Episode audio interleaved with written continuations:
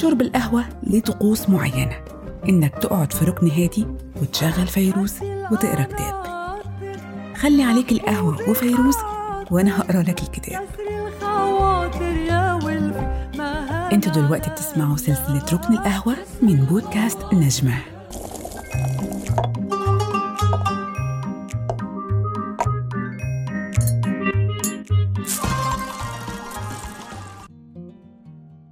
أكاد أجزم إن مفيش جلسة نسائية بالذات لو يغلب عليها طابع البهجة والمرح إلا لو اتقال ياه لو الستات تعيش في كوكب لوحدها والرجالة يعيشوا في كوكب لوحدهم الدنيا هتبقى ألطف كتير. في اللي بيقولها من باب الهزار والدعابة وفي اللي قصدها فعلا. في سنة 1995 كرمت منظمة الأمم المتحدة الشعب المثالي ووصفته بأنه أكتر شعب مسالم في العالم. هو شعب الموسو اللي بيقع في جنوب غرب الصين. شعب الموسو عنده حاجة مش موجودة في أي مكان في الدنيا. هو إنه قائم على النساء فقط وليس للرجل أي كلمة فيه. قبيلة تخضع لهيمنة المرأة بالكامل من الحكم والإدارة والعمل والميراث. الفرحة بتكون بخلفة البنات مش بخلفة الولاد. ما الستات هم الأساس. العائلات بتحكمها كبيرة العيلة وبتورث مكانتها وكمان أملاكها للستات بس. الرجالة ما بتورث. في حين إن الرجل مهمش جدا لا يسمح له بالعمل يظل أيا كان عمره تحت رعاية والدته. مفيش زواج بشكله المتعارف نوع الجواز عندهم اسمه ووكن ماريج الراجل لما يعجب بواحدة منهم بيروح لبيتها بالليل. لو عجبها بتتم الزيجة لليلة واحدة بس ويمشوا الصبح. ما بيحملوش هم النسب لأن المولود بيسجل باسم الأم مش الأب. العلاقة من النساء تجاه الرجال غير عاطفية إطلاقا. لخوفهم من الوقوع في حب الرجل فيخضعوا ليه ويسلموه مفاتيح القيادة. وبكده يبقى زيهم زي الشعوب التانية. وعلى الرغم من كل ده إلا إن نساء الموسو بيقولوا إنهم مش مبسوطين لأنهم شايلين هم كل حاجة في الحياة ومفيش عندهم أي مجال للاتكالية أو الاعتمادية أو التدليل والرفاهية زي باقي ستات العالم ها لسه عايزة كوكب ليكي لوحدك؟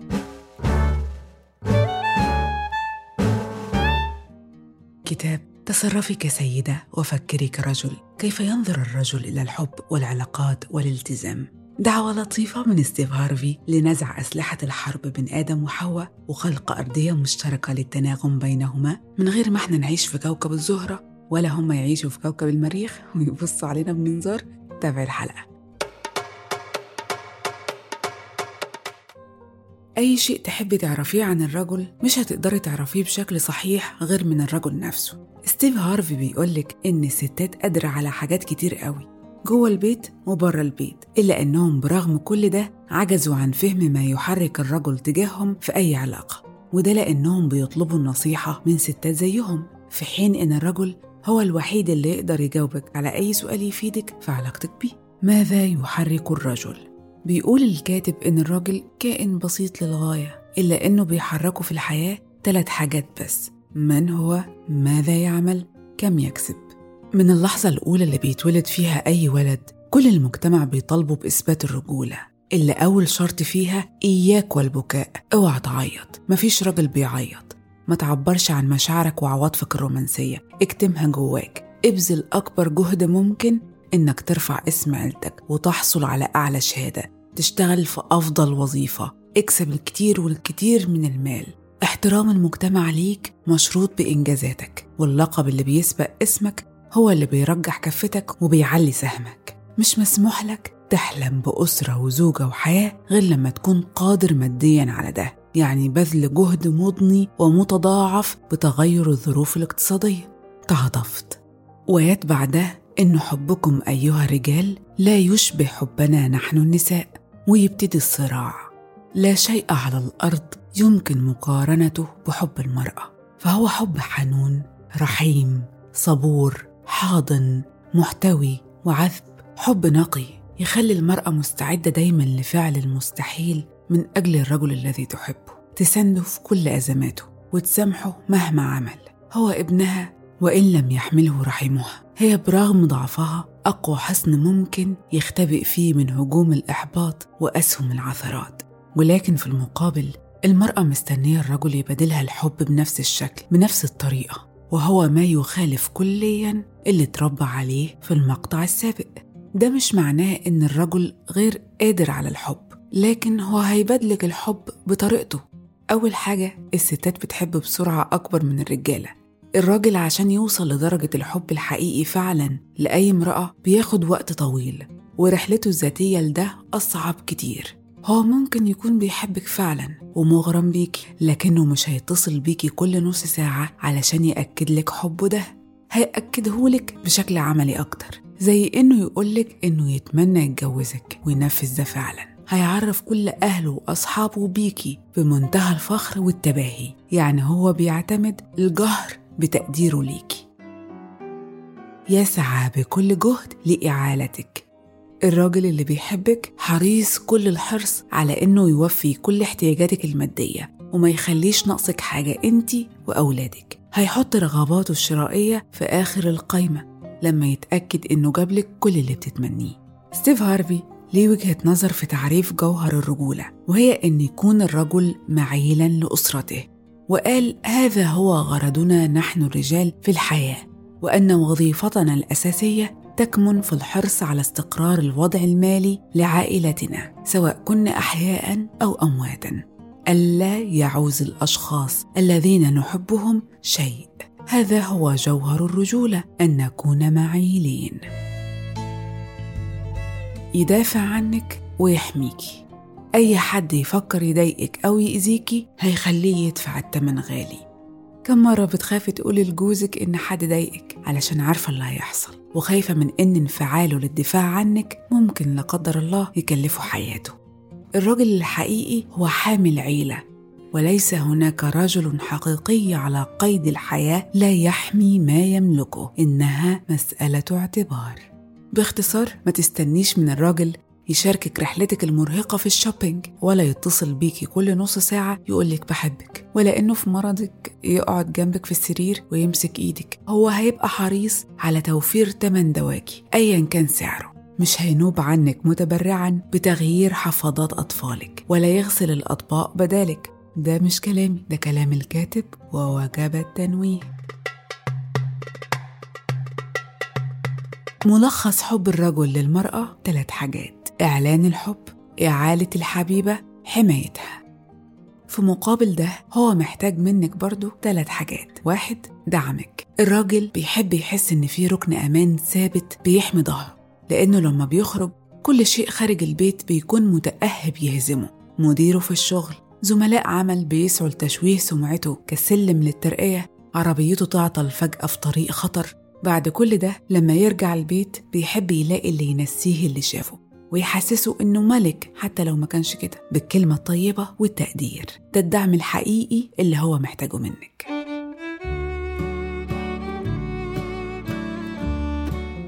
اتنين وفائك. الراجل بيستنى يحس منك بالوفاء وإنك هتقفي جنبه في كل أزماته ومهما حصل. تلاتة وصالك. الراجل بيحتاج الوصال الجسدي مع المرأة اللي بيحبها بين قوسين زوجته كحاجته إلى الهواء. كلمات بتبعد الراجل عنك. إحنا محتاجين نتكلم. الراجل ما بيحبش يسمع الأحاديث المطولة ووقت ما أنت بتكوني بتحكي من باب الفضفضة هو هيكون بيفكر إنك في مشكلة وهيقدم لك الحل. وساعتها أنت هتتضايقي قوي لأنك مش محتاجة حل. أنت عارفاه أصلا. لكن محتاجة حد يسمعك شوية. يبقى تغيري الصيغة وتقولي له قبل ما تحكي حبيبي هو مفيش مشكلة. أنا بس عايزة أنفس عن غضبي في حاجة مضايقاني وكل اللي محتاجاه إني أتكلم مع حد ويسمعني. بس كده. إذا أعجبتنا امرأة سعينا إلى التقرب منها. أما إذا كنا لا نريد منها شيء فإننا لا نتقرب إليها. الكاتب بينصحك إنك تكوني يقظة جدا لو حاول أي راجل يتقرب لك لأنه أكيد عايز حاجة منك. إزاي بيحدد الراجل المرأة اللي تصلح إنه يتجوزها والمرأة اللي هتكون بالنسبة له مجرد تسلية؟ مفاجأة؟ مش الراجل اللي بيحدد أنت اللي بتحددي ده. هو بيقدر الست اللي مش بتستسلم ابدا واللي بتحط لنفسها معايير واضحة. الكلمة اللي بتتكرر في كل الكتب الرجل صياد بطبعه وكل ما كانت الفريسة صعبة كل ما تعلق بيها أكتر. ما ينفعش تتعاملي مع أي راجل من غير ما يكون ليكي قيم وحدود ثابتة وواضحة. أرجوكي ما تقعيش في فخ. أصلا أنا خايفة يسيبني. أصلا أنا خايفة يروح لواحدة تانية. مفيش راجل بيعجب بست وبيسيبها عشان بتحترم نفسها وبتقدر ذاتها. ده حتى مؤلف الكتاب راجل غربي وهو كمان بيأكد ده. أرجوكي ما تتنازليش. ابن أمه. ده اسم فصل موجود في الكتاب. جميل إنك تتجوزي راجل بيحب والدته. وبيراعيها ويبرها. لكن اللي مش جميل هو إن تعامله مع أمه يعدي حدود البر ده إلى إلغاء شخصيته وتهميشك أنت وأولادك. الكاتب بيقولك إن السبب في ده إن أمه حطت قواعد التعامل معاه وألزمته بيها حتى في وجودك أنت شخصيا في حياته. لكن أنت كنت ساكتة ومستسلمة من البداية ولا حطيتي قواعدك ولا أولوياتك في التعامل وصبرتي وكتمت انتقادك لتصرفاته تجاه والدته جواكي خوفا انك تزعليه واملا إنه يتغير. كان لازم من أول يوم يكون ليكي قواعدك الخاصة معاه وتوصلي له إنه لو ما التزمش بيها هو اللي هيخسرك. من وأنا صغيرة كان نفسي ألعب باليه بس معوقات كتير منعت ده واكيد المعوقات دلوقتي أكتر. فاستبدلت ده بتدريب نفسي على المرور برشاقة فوق الخطوط الحمراء. وامتلاك انسيابية التعبير والتفافات الصياغة. لماذا يخون الرجال؟ سؤال وضعه وأجاب عليه ستيف هارفي الكاتب من منطلق ثقافته الغربية حط في الأول مبررات كتيرة جدا وسماحية بده ورمى اللوم كله على المرأة وتقصيرها. وإن مهما قال فالستات مش هتقدر تستوعب وتتعاطف أبدا وتحط نفسها مكان الراجل الخاين عشان تحس بيه وتعذره. وإن مع كل راجل خاين كان في امرأة سمحت له بده. رغم إنه رجع في آخر الكلام وقال إن الراجل اللي هيعيد ترتيب أولوياته في الحياة ويلتزم بتعاليم دينه مش هيخون. هو رجل غربي وأنا امرأة شرقية. استخدمت مهارات البليل الكتابية وطرحت السؤال على عدة رجال بشكل مختلف. هل إخلاص الرجل للمرأة التي يحبها مرتبط بالنضج؟ كانت الإجابة نعم. جدا جدا. النضج بإحساسه بالمسؤولية وإنه مسؤول عن إنجاح العلاقة. النضج في معرفة إيه الأهم بالنسبة له وإيه النتيجة لو خسره النضج بتمسكه بمبادئ أخلاقية أكثر صرامة وبإنه لو فتح الباب لجعل الخطأ شيء عادي ومبرر فعمره ما هيكتفي ولا هيحس بالرضا. النضج في ترتيب أولوياته بشكل صحيح. الله العائلة العمل. بعض الرجال يخون لأنه لم يعاقب أبدا على خيانته. أحيانا يحتاج الرجل إلى أن يخسر شيئا أو يشعر أنه على وشك خسارته لكي يعرف قيمته. أسئلة هتساعدك في تحديد هل الرجل اللي أنت مرتبطة بيه يصلح ليكي بما فيه الكفاية ولا لأ. إيه رد فعله تجاه المشاكل اللي بتواجهك؟ هل بيهرب ويسيبك تحلي مشاكلك لوحدك؟ ولا بيقف جنبك وبيساندك في حلها. إيه رد فعله تجاه أي أخبار سيئة بتزعلك؟ يعني لو بعد الشر فقدت عزيز أو قريب بيقف جنبك ويدعمك في الحزن ده؟ ولا ما بيهتمش وبيختفي ويروح يعيش حياته ويتبسط بعيد عن أحزانك؟ إيه رد فعله لو قلتي له لأ لأي حاجة متجاوزة بيطلبها منك؟ هل بيحترم موقفك ولا بيدور على واحدة تانية تقول له آه؟ أعتقد إن الإجابات على الأسئلة دي واضحة ومفيش فيها فصال علشان تعرفي إذا كنت مرتبطة بحد كويس ولا لأ. الكاتب بينصحك لو انت امرأة مطلقة وعندك أطفال وتعرفتي على راجل تتمني ترتبطي بيه لازم تعرفيه إن عندك أطفال. وتوضحي له كمان إن ليهم الأولوية في حياتك وتخليه يشوفك وانت أم فعلا مش مجرد ست جميلة معجب بيها. وكمان تعرفي أطفالك عليه وتشوفي هيتعامل معاهم باحترام وحب وصبر ولا مش هيقدر يستحمل ويكون ليهم في منزلة الأب هل فعلا ال strong independent woman ستات وحيدة فرصتهم في الارتباط بتكون أقل؟ الرجالة بتخاف منهم مثلا ولا هم اللي مش محتاجين رجالة في حياتهم أصلا؟ الحقيقة إن المصطلح ده عكس فطرة المرأة تماما والمتسبب فيه هو ظروف مجتمعية وتربوية أبدا مش الفطرة. قريت مؤخرا إن ظاهرة ال strong independent woman ما هو إلا رد فعل تجاه trauma الخذلان. امرأة خذلت وما لقتش حد يقف جنبها في أزماتها وأوقاتها الصعبة فاضطرت تشيل هي الليلة لوحدها. أو تبادل خبرات بين الستات وبعضها إن الست لازم تكون شاطرة أو بالعامية كده شملولة وبتعرف تعمل كل حاجة. وفي الوقت ده هي فعلا هتكون قادرة تعمل كل حاجة غير إنها تستمتع بمساحة كبيرة جدا من أنوثتها وتتدلع.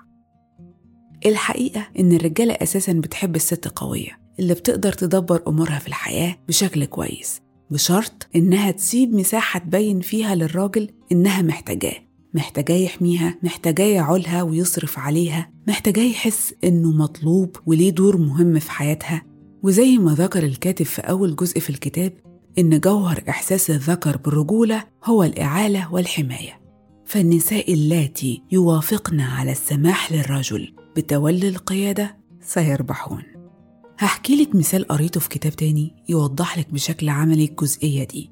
في كتاب اسمه حكايات السفر الكاتبة بتحكي عن زيارتها للسويد وإنها كانت شايلة شنط كتير قوي وبتدور على رصيف القطر اللي هيوصلها وتايهة جدا في الإرشادات اللي مفروض توجهها واللي مكتوبة بلغة غريبة عليها.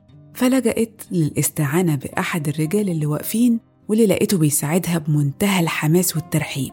وبوجه بشوش ومبتسم شال منها الشنط ومشي معاها مسافة طويلة لحد ما وصلها للقطر وركبها في مكانها واطمن عليها واتمنى لها يوم سعيد. شكرته بامتنان فابتسم لها ومشي. ومن الموقف ده خدت انطباع مبهر عن إن قد إيه رجالة السويد خدومين وبيقدروا المرأة وبيعززوها. وحكت الموقف ده لصديقاتها السويدات لما قابلتهم اللي بصوا لبعض باستغراب واستنكار. أنت متأكدة إن ده الرجل السويدي بتاعنا؟ مستحيل. عمرهم ما عملوا معانا كده ولا بيحسسونا اننا ستات أصلا. لحد ما خطيب صاحبتها حللها اللغز وقال لها إن ثقافة المجتمع السويدي بتقول إن الست في مساواة تامة مع الرجل وبالتالي الستات عايزين يحسوا إنهم مش أقل درجة من الرجل. لو حد مننا إحنا الرجالة. حاول يساعد ست سويدية زي اللي ساعدك كده غالبا الست هتهزقه وتشوف إن المساعدة دي اتهام ليها بالضعف والدونية. فمش بنحاول نساعدها من أصله ولا حتى الست هتطلب المساعدة من الرجل زي ما أنت طلبتي. تصرفك كست في احتياج لمساعدة من راجل خلت الراجل اللي ساعدك ده يحس برجولته ويفخر بنفسه وهيفضل فاكر الموقف ده وسعيد بيه لآخر عمره سيدتي سيصبح العديد من الرجال رجالا أفضل إذا طلب منهم فعلا أن يكونوا رجالا. ورمانة الميزان على لسان بعض الرجال إن شيء جميل من المرأة إنها تكون قوية الشخصية بين قوسين أيوة نسوية. في الشغل والحياة العملية وما تسمحش لحد يتجاوز أو يجور على حقوقها في العمل على أن تكون أنثوية في بيتها ومع أهلها وزوجها. لينة تتغاضى تترك لرجلها القيادة. في بيتك ما تحاوليش تسلكي الحوض ولا تغيري اللمبة اللي اتحرقت ولا تصلحي العطلان ولا تحركي كنبة من مكانها ولا تشيلي حاجة تقيلة لأنك في منتهى الأنوثة والرقة والضعف والحاجات دي محتاجة قوته هو.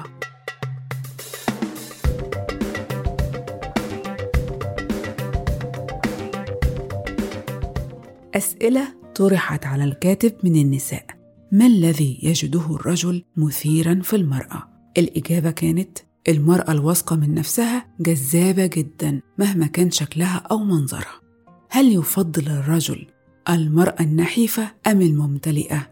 الرجالة بيحبوا جميع أنواع النساء فهناك رجل لكل أشكال القوام ما الذي يفكر فيه الرجل عندما يزداد وزن امرأته بعد الزواج والإنجاب؟ الراجل اللي بيحبك هيفضل يحبك بغض النظر عن أي شيء تاني وهيقدر اللي انت فيه واللي بتعانيه من مسؤولياتك الجديدة هل يحب الرجال مشاركة النساء التسوق؟ لا هل ينزعج الرجل عندما يسأل عن ماضيه؟ نعم هل يقبل الرجل أن يكون لزوجته أصدقاء من الرجال؟ لا هل يتحدث الرجل مع أصدقائه الرجال عن المرأة التي يحبها؟ لن يفعل إذا كانت هي المرأة المنشودة وليست مجرد علاقة عابرة. فالمرأة والأشخاص المهمون في حياة الرجل هم من المواضيع المحرمة في الأحاديث بين الرجال. ما شعور الرجل تجاه المفاجآت؟ أغلب الرجالة بيحب المفاجآت. شهادة ليكي عزيزتي المرأة الشرقية الرقيقة المميزة. سؤال طرحته على رجل رصين ووقور ذو ثقل وحكمة. وهنا رح أستعير لهجته في ذكر السؤال والإجابة. من وجهة نظرك هل تتصرف المرأة العربية بشكل صحيح تجاه الرجل؟ الإجابة كانت نعم جدا جدا. المرأة العربية شديدة الذكاء في تعاملها مع الرجل. عندها ذكاء عاطفي قوي يمكنها من ذلك.